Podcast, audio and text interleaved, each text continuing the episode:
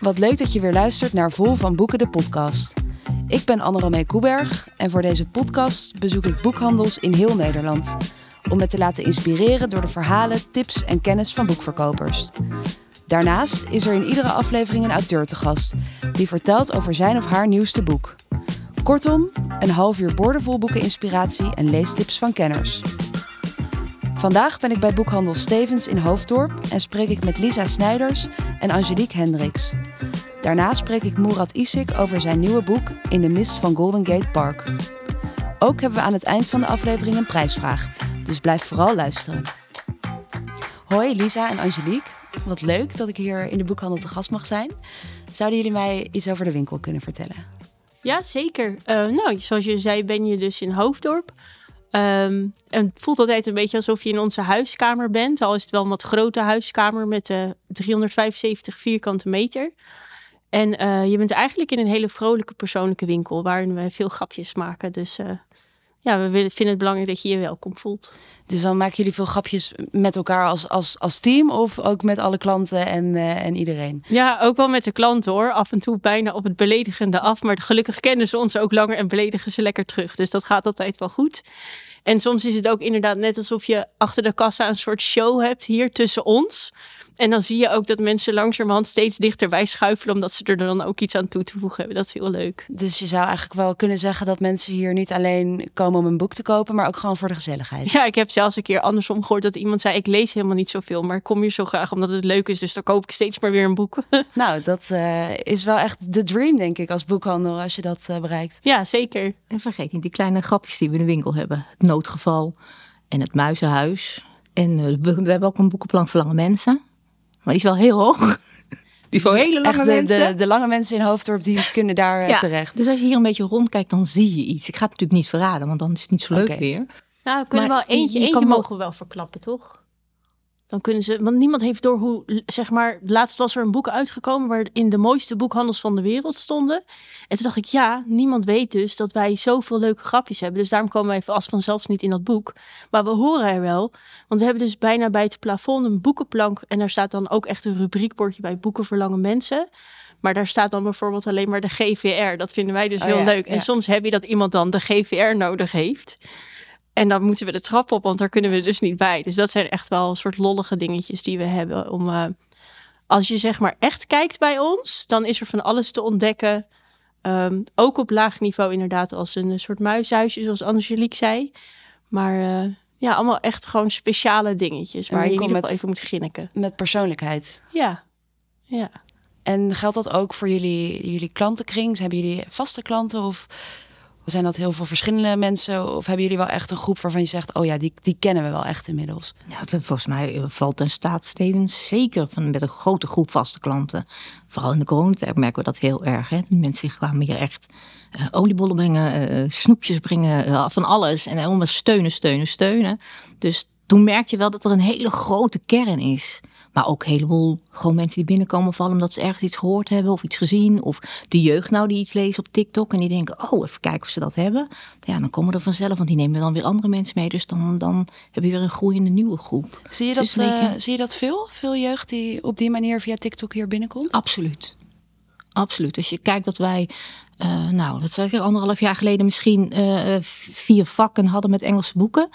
En dat we in het voorjaar een winkel hebben, een stuk hebben uitgebouwd. Wat nu echt Oh. een totaal Engelse hoek is. Echt Waar oh, dat is speciaal zitten. Ja. eh, helemaal een uitbouw. Ja. Wat mooi. Ja, Ja, daar dus zitten we eh, nu net naar te kijken hè, en die is inderdaad prachtig. Dus Ja, het is net een soort shop-in-shop. Alleen, ik zei laatst ook tegen de andere eigenaar, Erik... ehm, ik weet nog niet hoe lang het duurt voordat we zeg maar in plaats van een kleine shop-in-shop Engels hebben in een Nederlandse boekhandel, hoe lang dat duurt voordat dat omdraait. Want het is hier soms echt het drukst van de hele winkel. Het staat helemaal vol met 15, 16-jarige ja, meiden, jongens, mensen. eh, geweldig. ja, allemaal via TikTok. En dat is wel een doelgroep waar natuurlijk heel veel over wordt gesproken. Hè, dat het zo lastig is om die te bereiken. Dus wel fijn dat dat jullie toch lukt dan. Ja, eigenlijk altijd wel al. We waren natuurlijk vroeger eh, al een soort voorvechter op het gebied van young adult. Toen dat er nog niet zo heel erg was, vonden we dat heel stom. Dat er een, eigenlijk een groot gat was tussen kinderboeken. En daarna werd je 15 en dan moest je maar Harry Mulisch lezen per se. En wij vonden dat toen heel stom. Daar hebben we ook heel erg veel uh, actie voor gevoerd om ervoor te zorgen dat er echt iets voor jongeren was, samen met Blossom Books. En met uh, Best of YA van uh, Uniboek Spectrum hebben we echt heel veel. Zijn we naar CPMB geweest om voor elkaar te krijgen dat er een jongerenboekenweek zou komen. En die is er nu ook. Dus daar zijn we dan nu niet zo druk meer mee. Maar ik denk dat we op die manier dan nog wel steeds misschien een naam hebben bij jonge mensen. Dat wij gewoon, ja, als iemand 15 is, dat we dan niet zeggen: Oh ja, uh, kom je hier iets kopen? Of, en als ze met hun ouders zijn, dat we dan wel aardig zijn. We zijn ook echt gewoon leuk en met de jonge mensen. We zien ze niet als last pakken, zoals mensen wel eens over pubers dan praten. Ze zitten hier gewoon lekker op de grond soms uh, een boek te lezen of ze zitten op hun telefoon. Het maakt mij allemaal niet uit. Ze hebben het naar hun zin en ik vind het toch wel gezellig dat ze er zijn eigenlijk. Het brengt zoveel leven. Ja, klinkt heel erg gezellig eigenlijk.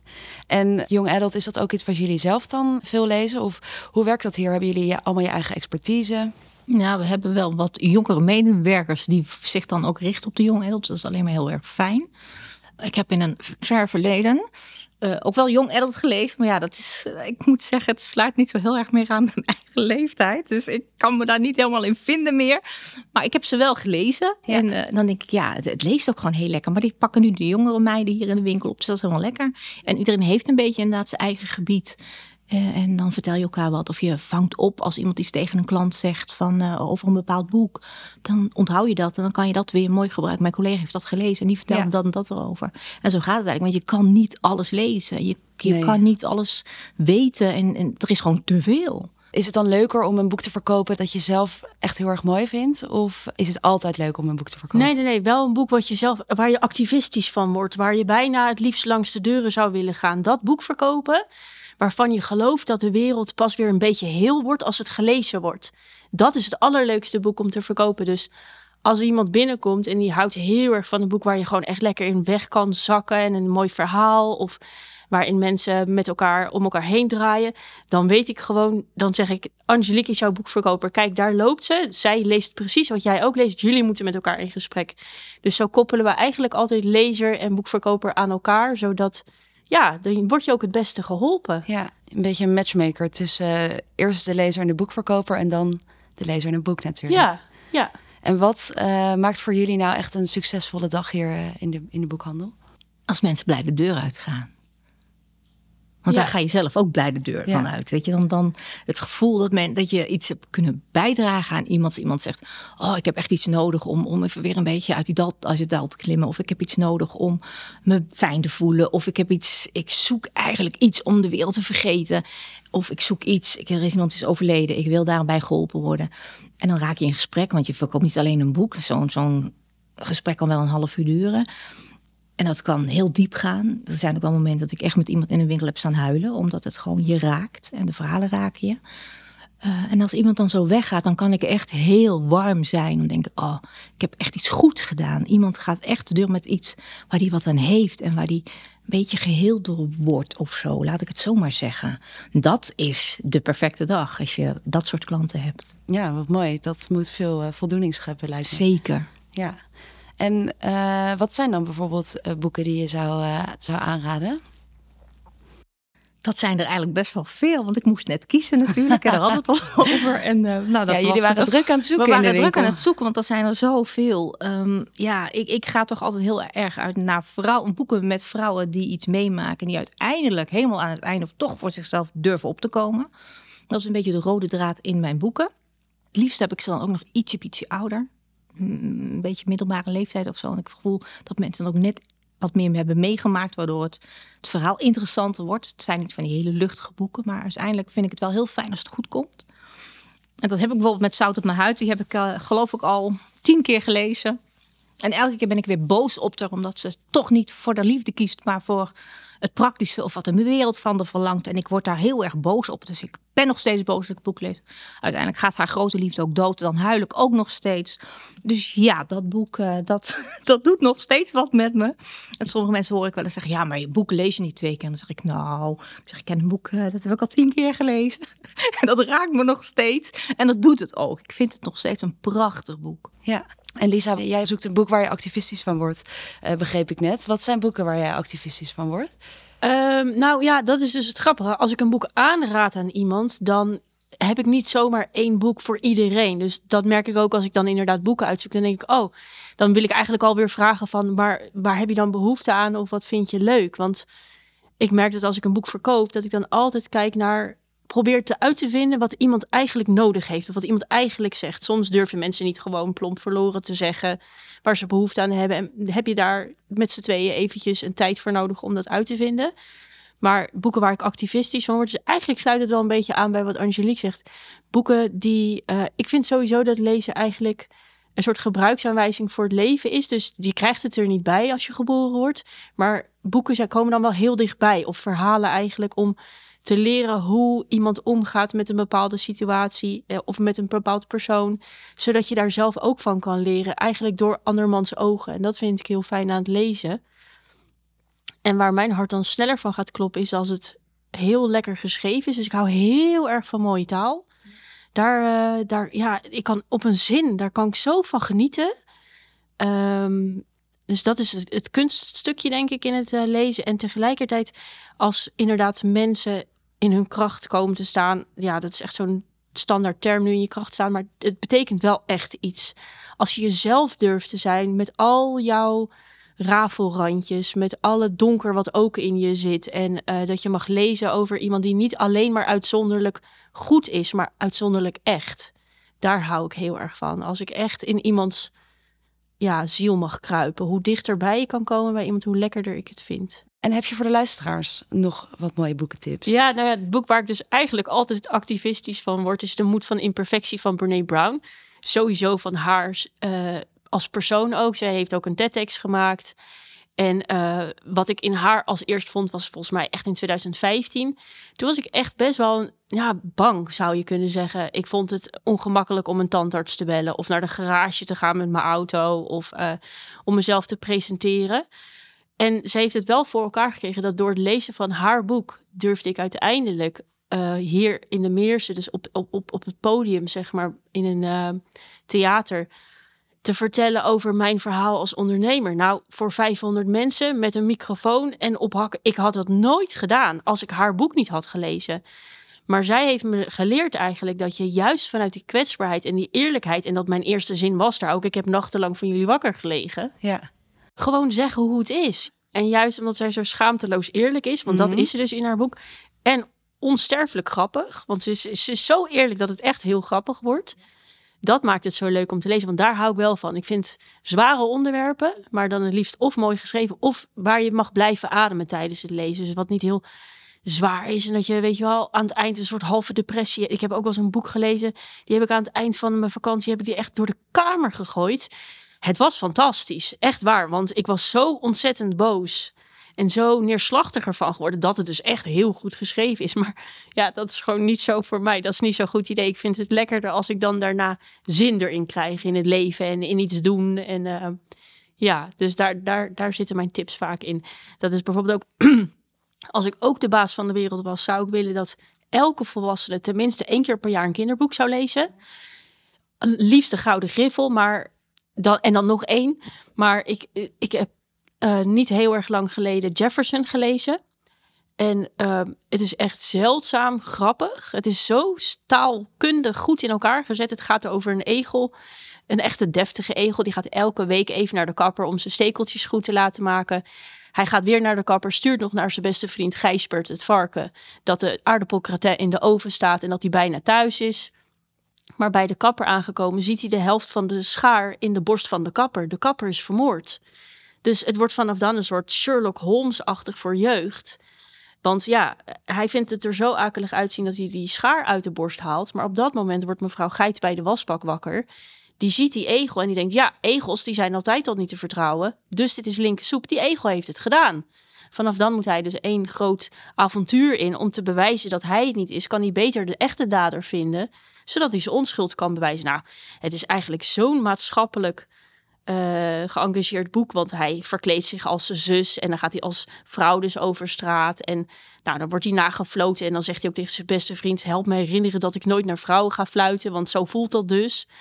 Eh, het gaat over hoe wij ons als mensen verhouden tot dieren. Dat ja, je hebt mensen die staan bovenaan. Dan heb je de dieren zoals wij die kunnen praten en uh, zelfstandig zijn. Dan heb je de huisdieren en dan heb je de dieren die we eten. Dus zo zit dat allemaal eigenlijk in ja, een groot avontuur waarbij je bijna het idee hebt dat je een soort film aan het lezen bent. Nou, dat klinkt wel alsof jullie uh, niet alleen goede matchmakers hier zijn, maar dus ook wel uh, goed voor de ondersteuning van het gevoelsleven van de, van de klanten. Klinkt wel serieus, hè? Ja, ja, we zijn ook wel serieus, maar we zijn ook eigenlijk af en toe wel een beetje rare vogels hier, hoor. Het is, uh, het is niet alleen maar zo zwaar uh, als dat het nu klinkt. Alleen nou willen we natuurlijk heel erg graag laten zien dat we heel grappig zijn. En dan weten we Pardoes helemaal nee, niet meer te vertellen nee, nee. hoe grappig nou ja, dan zou ik zeggen, kijk even op onze Facebookpagina. Ja, daar kan want wij wel maken zien. regelmatig hele grappige filmpjes. En dan bedenken we weer iets. Lisa kan ook achter in de kantoortje zitten. En dan is ze heel druk. En ineens komt ze naar voren en ik weet wat. En dan komt ze met boeken. En dan komt ze met doektekst. En dan komt ze. En dan gaan we eens een heel gek filmpje op, op, opnemen. En dat komt dan op Facebook. Nou, dan hebben we zo'n vreselijke lol met z'n allen hier sowieso al om het op te nemen. Maar we krijgen ook zulke grappige reacties terug. Dus we doen eigenlijk een heleboel Ja, rare dingen en soms lopen we ook wel op stelten letterlijk door de winkel of zo. Of verkleed als een stelletje. Dansjes, ja, dansjes doen we ook. Ja, Ja, we zijn goed ja. in dansjes. Ja, ja, ja. Nou, Zo serieus zijn we dus eigenlijk helemaal niet. Dat probeerden we nu even een beetje te zijn. Maar dat zijn we eigenlijk helemaal niet. er is hier ruimte voor alles, als ik het eh, zo goed Ja. hoor. Dus eh, luisteraars, breng vooral een keer een bezoekje aan Boekhandel Stevens in Hoofddorp. En wie weet eh, wat je hier gaat tegenkomen. In elk geval een mooi boek en gezellige boekverkopers. Lisa, Angelique, dank jullie wel. Graag gedaan. Dankjewel. Dankjewel.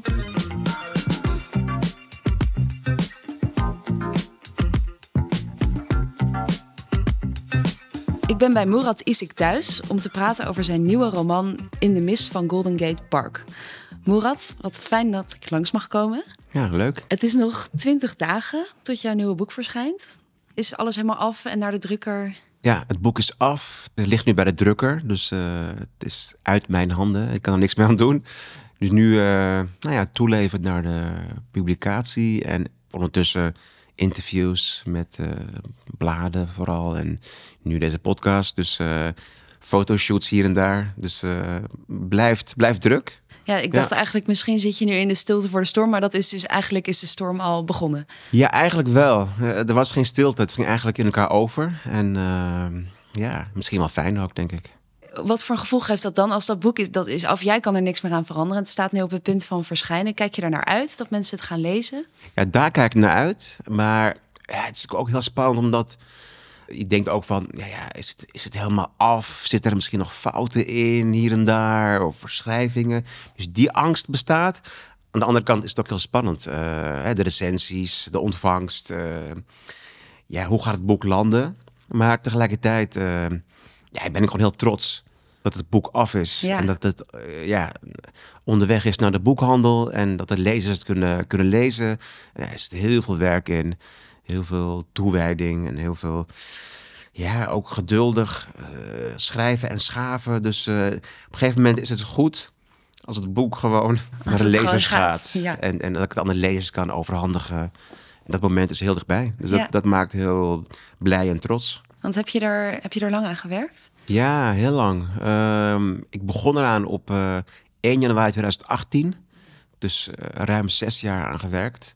Ja, en, en, en de oerversie van In de Mist van Golden Gate Park, die eh, was 1700 pagina's. En ehm, ja, het liep een beetje uit de hand, zeg maar. Het verhaal ging bij me aan de haal. Het werd dikker en dikker en er gebeurde heel veel. En ik dacht, oh jee, dit is, ik moet wel heel veel indikken straks. Heel veel gaan snoeien. Ja, bijna, bijna duizend pagina's zijn er dan uiteindelijk gesneuveld. Ja, uiteindelijk wel. In, in meerdere rondes hoor. Niet, niet in één keer. Ik, ik dacht steeds van, oh ja, dit hoofdstuk is misschien te veel. Of deze verhaallijn leidt een beetje af. Het is mooi, maar het leidt af van het echte verhaal. En alles met pijn in mijn hart. Ik dacht, oh ja, er zit, soms maanden werk in. Soms twee, drie maanden werk. En ik dacht wel van, oeh, oké. Jammer, pijnlijk en tegelijkertijd noodzakelijk. Ja, Want je wil, zeker met zo'n dik boek. Het is nu eh, 667 pagina's in boekvorm. Eh, wil je niet de lezer belasten met overbodige scènes of, of, of stroperige scènes. En je wil vooral het verhaal voortstuwen. Ja, Hè? Het verhaal van Metin in San Francisco. Ja, en, en de verleiding is natuurlijk dat er heel veel te vertellen valt over San Francisco, over de inwoners. En, en, en ja, het is natuurlijk een stad met een rijke historie. En, en, en ik had nog vijf jaar kunnen doorschrijven. Ja, en uiteindelijk leest het boek eigenlijk bijna als een dagboek. Je kruipt als lezer heel diep in de huid van Metin. Heb je jij een enorme verbeeldingskracht? Of is het ook deels net als Wees Onzichtbaar weer gebaseerd op jouw eigen ervaringen? Ja, je komt heel dichtbij als, als lezer. Ehm, nou ja, ik heb zelf ook in eh 2001 in San Francisco gestudeerd. Ik was uitwisselingsstudent, exchange student zoals het heette. Ja. En ehm, ja, ik, ik wilde weg. Ik wilde, ik voelde echt de drang om op reis te gaan of te studeren in een ver land. Want ik koerste af op een leven waar ik tegenop zag. Hè. En Ik studeerde rechten toen. Nou ja, ik wist, ik ga op een kantoor belanden Ja. als jurist. Dat ambieerde ik helemaal niet. Maar ja, ik studeerde wel rechten. Dus het was een soort van onvermijdelijkheid. En iets waar ik tegenop zag. En eigenlijk mij was het een soort van vlucht. Ik wilde weg om dat nog weg te duwen. Dat lot dat mij wachtte. En ik wilde ook een beetje veranderen. Ik, wilde ook, ik dacht van, nou, het zal me goed doen in sociaal opzicht. En Ja. voor Metin in het boek is het echt een, eh, een kans om, om, om...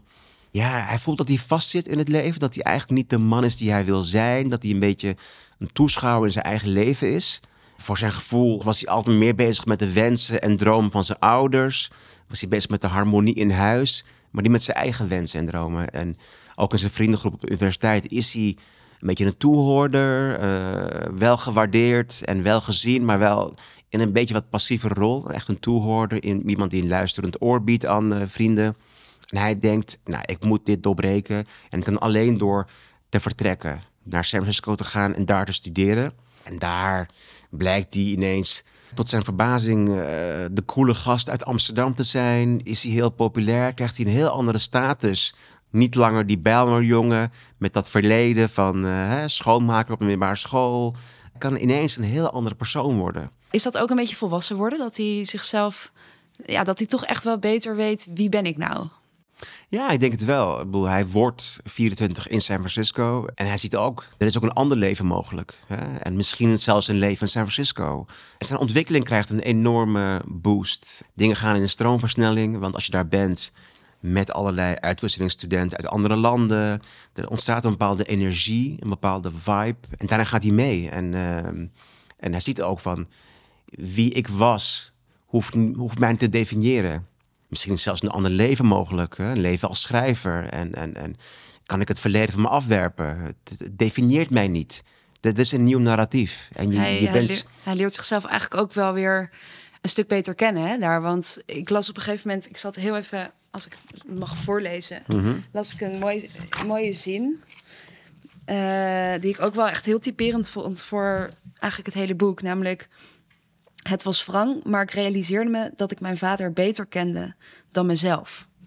En voor mijn gevoel is dit in dit boek is hij ook wel heel erg bezig om daaraan te werken, toch? Om zichzelf Ja, beter zeker. te leren begrijpen. Ja, ja, een goed voorbeeld inderdaad. Want zijn leven lang heeft hij eigenlijk uit de noodzaak zijn vader bestudeerd. Hè, om, om thuis veilig te zijn, om te kunnen voorspellen wat er gebeurt. Nou, die fase is ook weer heel onvoorspelbaar.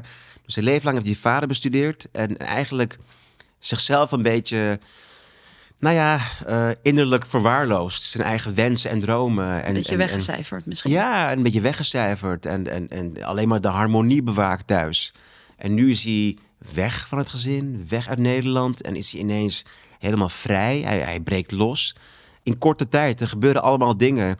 En die leren hem heel veel ook over zichzelf. Hè? Hoe hij met eh, een nieuw mens omgaat, met de liefde, met de huisgenoten die hij ineens heeft. Hij heeft ook ineens drie, drie Amerikaanse huisgenoten. Allemaal kleurrijke figuren die Ja. hij daar ontmoet, überhaupt in dat hele jaar. Ja, precies. Het is echt een ontdekkingstocht. Het is echt een avontuur en hij leert heel veel over zichzelf.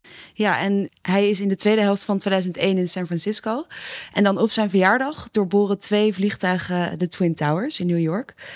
In het begin dan heeft hij denk ik wel die impact meteen heel erg in de gaten. Maar misschien nog niet zo heel erg van hoe kijken mensen nu naar mij. Of was dat wel al direct bij hem, drong dat heel erg door? Is was natuurlijk heel erg de shock en het surreële van zo'n aanslag in New York. Dat de Twin Towers eh, ja, instortten. En pas later, als zijn moeder hem belt en zich zorgen maakt om hem. Van hé, hey, pas op, want ze kunnen je aanzien voor een Arabier. Of eh, hè, het gaat veranderen in Amerika. Hè, de, de, spanningen zullen toenemen. En Metin denkt, ja, hoezo dan? Ik lijk niet op een Arabier, ik ben, kan ook een Cubaan of een Mexicaan zijn of een Spanjaard. En, dus hij denkt van, hoezo? En, en zijn moeder zegt dan van, nou ja, weet je wel, eh, voor de zekerheid kun je beter maar je baardje afscheren en je snor afscheren. En, en hij, hij, hij, hij is heel verbaasd. Denk, hè? Dus en daar, daar, dat is voor hem een soort inzicht. Hij stond er niet bij stil, maar zijn moeders angst, mm, nou ja, doet hem toch anders kijken naar de situatie. En ook als hij voor het eerst naar buiten gaat eh, na 9-11, is hij ook ineens zich heel bewust daarvan. Van hey, Kijken mensen iemand kijkt me nu aan, maar kijkt hij me nu aan dat ik een buurtgenoot ben? Of de buurman? Of vindt hij me lijken op een terrorist? Dat is een beetje verwarrend voor hem. En, eh, maar goed, het is geen verhaal over 9-11, zeg ik er even bij. Nee, want Eh, het was wel heel onvermijdelijk voor het boek, omdat Ja. het gebeurt. Het is zo groot, het is gewoon onvermijdelijk. Maar ik heb het wel beperkt tot een paar hoofdstukken. Ja, het moet, het, het, moet gaan om de roman. Ja, en nou, Metin die maakt een hoop mee, zoals we al eh, zeiden, daar in San Francisco. En hij gaat op een gegeven moment ook nog op een ander avontuur in zijn San Francisco avontuur. Ja, ik wil er niet te veel over spoilen, maar hij maakt Nee, inderdaad een reis. Hij gaat een reis maken. Ja, ik was ja. eh, daar eh, zeer door gefascineerd en ook door de ontmoetingen die hij daar heeft. Ja, ja, ja. Ja, ik weet niet of ik er dan nu op door mag eh nou ja, we kunnen wel iets, over zeggen inderdaad. En we kunnen wel iets over zeggen, zonder de namen te noemen van wie hij Ja, bezoekt. Ja, ja. ja. kunnen we over, over hem inderdaad. Wat denk je nou dat uiteindelijk, eh, want eh, volgens mij is het toch ook wel weer echt een kantelpunt in het boek, dat reisje wat hij maakt. Wat, Ja. wat neemt hij daaruit mee eh, met in? Misschien moeten we even noemen waar hij heen gaat. Hij gaat van San Francisco, maakt een binnenlandse reis naar Bloomington, Illinois. Het is vlakbij Chicago. Om iemand te bezoeken die hij niet kent. ik wil er niet te veel weggeven, het wordt een beetje een spoiler. Dus ik hou het een beetje beperkt. En die reis heeft allerlei gevolgen in het verhaal. Ook voor andere personages. Maar ik denk vooral dat die, nou ja, de persoon waar hij mee reist beter leert kennen. Maar ook zichzelf. Onverwachte zelfinzichten over zichzelf en over zijn vader. En alles overvalt hem. En dingen komen tot een kookpunt. Omdat hij ook ziet en merkt dat hij dapper moet zijn. Maar dat hij ook fouten maakt. En maakt ook grote fouten daar. Dus, dus eigenlijk eh, probeert hij ook zichzelf vooruit te duwen en, risico's te nemen. Conflicten aan te gaan. Wat misschien niet verstandig was achteraf. Misschien had hij wat rationeler moeten reageren. Maar er zijn heel veel emoties. En nou ja, ik, wat ik al zei, ik wil niet veel weggeven. Maar daar, eh, het is ergens in het midden van het boek, gebeurt er heel veel tegelijkertijd. Wat dingen echt eh, tot een kookpunt brengt. En ehm, ja, voor, was voor mij ook een avontuur om te schrijven. En nou ja, goed, het is een van mijn favoriete passages. Nou ja, en hij moet ook daarna weer zich verhouden ten opzichte van wat er daar allemaal eh, Ja. gebeurd is. En tot Joan moet zich verhouden. Joan, eh, ja. ja, ja. En hoe zie jij eh, zijn, zijn verhouding met Joan? Hij vindt haar meteen al heel erg interessant als ze naast hem komt te zitten bij het vak Creative Writing. Mhm. En langzaam ontwikkelt zich dan een, een vriendschap, misschien ook wel een liefde. ja. Hoe zie jij dat? Ja, het is ehm, zijn eerste grote liefde, Joan. En eh, wat- wat je al zei, bij Creative Writing ontmoet hij haar. Wat voor hem ja, haar natuurlijk interessanter maakt, omdat ze ook met schrijven bezig is. En zij is ook pas recent in San Francisco. Ze komt eh, uit Sacramento, de hoofdstad van Californië. Is daar vertrokken om bepaalde redenen die ja, niet, niet, niet zo fraai zijn. Kijk, voor Metin is het een, een mooi avontuur als exchange student. En, maar voor haar is het, was het een vlucht uit Sacramento wegens familieproblemen. Maar ook problemen die in haar spelen. Het is eigenlijk dat twee buitenstaanders elkaar vinden. En er ontstaat iets heel bijzonders tussen eh, Metin en Joan. En ehm, iets wat ik niet voorzien had. Maar ze komen heel dicht bij elkaar. En tegelijkertijd is het ook een soort van afstoten en weer naar je toe trekken. eh, van haar vooral, maar ook van Metin op een gegeven moment. Ze willen heel graag dat dat lukt. Maar telkens is er dan weer iets wat, wat tussen beiden komt. Ja, het voelt als een hele precaire balans waar ze steeds. Ja, het is een precaire balans. Maar ze trekken toch naar elkaar toe steeds. En ze delen heel veel dingen die ze met andere mensen niet gedeeld hebben. Dus er is, het is een hele intieme relatie. Metin verrast zichzelf door wat hij haar vertelt. Maar goed, hij is onervaren. En, en die onervarenheid speelt ook een rol. En, en hij is ook zoekende naar hoe moet ik deze mysterieuze dame benaderen. En hij merkt wel dat ze een andere benadering vergt. Dat ze ook ja, haar eigen issues heeft. En misschien wel haar eigen demonen. En Ja, en ik denk ook voor mijzelf las ik ook wel heel erg zowel bij Metin als bij Joan dat je familie zit ook in je. En daar kun je hoe erg je dat ook probeert, misschien nooit helemaal aan ontsnappen, want het is ook gewoon wie je bent. En het is onderdeel van wie je bent en het vormt je. Ik kreeg ook wel een beetje het idee dat ze, of zie ik dat helemaal verkeerd, dat dat, dat ook wel heel erg in het boek zat. Ja, goede opmerking. En ehm, familie is onvermijdelijk. En je moet je toe verhouden. Al ben je weg, zit je in een andere stad, in een ander land. Je moet je toch tot je familie verhouden. Het is heel verschillend, hun familiegeschiedenis. Maar voor beide speelt dat toch een bepaalde rol. Die maakt dat ze bepaalde besluiten nemen of met bepaalde dingen, issues kampen, worstelen. Mooi is ook dat ze dus dat naar elkaar toegeven, dat ze zich openstellen naar de ander. Ja, het, is, het, is, iets heel intiems. Ik had niet voorzien dat het zo uh, op dat niveau zich zou afspelen, maar ik, ik, ik, vond het heel. Uh, ik was geboeid door hun, ja, hun relatie. Ik vond, ik vond het heerlijk om over, over hen te schrijven, Joan en Metin. Ja. En tot slot zou je misschien een stukje willen voorlezen uit In de mist van Golden Gate Park. Ja, dat ga ik doen. De mist kwam uit de baai opzetten en besloop langzaam het Victoriaanse huis op Blake Street, drong door de houten kieren naar binnen en bleef in dunne, dunne sliert in mijn kamer hangen. Ik realiseerde me dat dit de oorsprong van de kou moest zijn die s'avonds het huis duisterde. De vochtige mist die niet alleen mijn slaap verdreef en visioenen uit andere tijden aan me opdrong, maar ook het gevoel van dreiging versterkte dat zich in de weken van mijn vertrek naar San Francisco in al mijn vezels had genesteld. Ik lag te rillen onder het dunne dekbed dat ik tot onder mijn kin had opgetrokken en spiedde tussen mijn wimpers door naar de inbouwkast waarvan ik de deur vergeten dicht was te doen. En terwijl ik mezelf er in het halfdonker om vervloekte, staarde ik een tijdje naar het zwarte gat dat mijn blik dwingend naar zich toetrok. Nu ik ongewild iets langer naar de duistere opening keek, zag ik het pas. De nevel werd langzaam de kast ingezogen en vervolgens omhoog, richting het luikje dat naar de zolder leidde, alsof daar ergens een entiteit school met machtige longen geruisloos de eeuwenoude mist van de baai inhaleerde, net als de minuscule stofdeeltjes die door het huis dwaalden. Zag ik het wel goed? Ik kwam voorzichtig overeind, zodat het bed niet kraakte en ik de orde der dingen niet verstoorde, zoals de respectvolle bezoeker betaamt. Of beter gezegd, een tijdelijke inwoner van deze plaats, deze mystieke stad vol heuvels aan de grote oceaan. Maar ook toen ik op mijn ellebogen steunend naar de inbouwkast staarde en mijn ogen zo wijd mogelijk opensperde, zag ik dat de mistlierte er langzaam aan toedreven. Prachtig, dankjewel. Ben jij na het lezen van In de Mist van Golden Gate Park, net als ik, heel benieuwd geworden naar de stad San Francisco? Let dan nu goed op. Op libris.nl slash kan je tot en met 15 april meedoen aan een prijsvraag waarmee je kans maakt op twee vliegtickets naar San Francisco ter waarde van 2000 euro. Ik kan je alvast verklappen dat je de prijsvraag na het luisteren van deze aflevering nog beter zult kunnen beantwoorden. Dus heb jij je volgende vakantie nog niet gepland of wilde je altijd al een keer naar San Francisco? Ga dan naar www.libris.nl/slash en doe mee. Daar vind je ook de actievoorwaarden.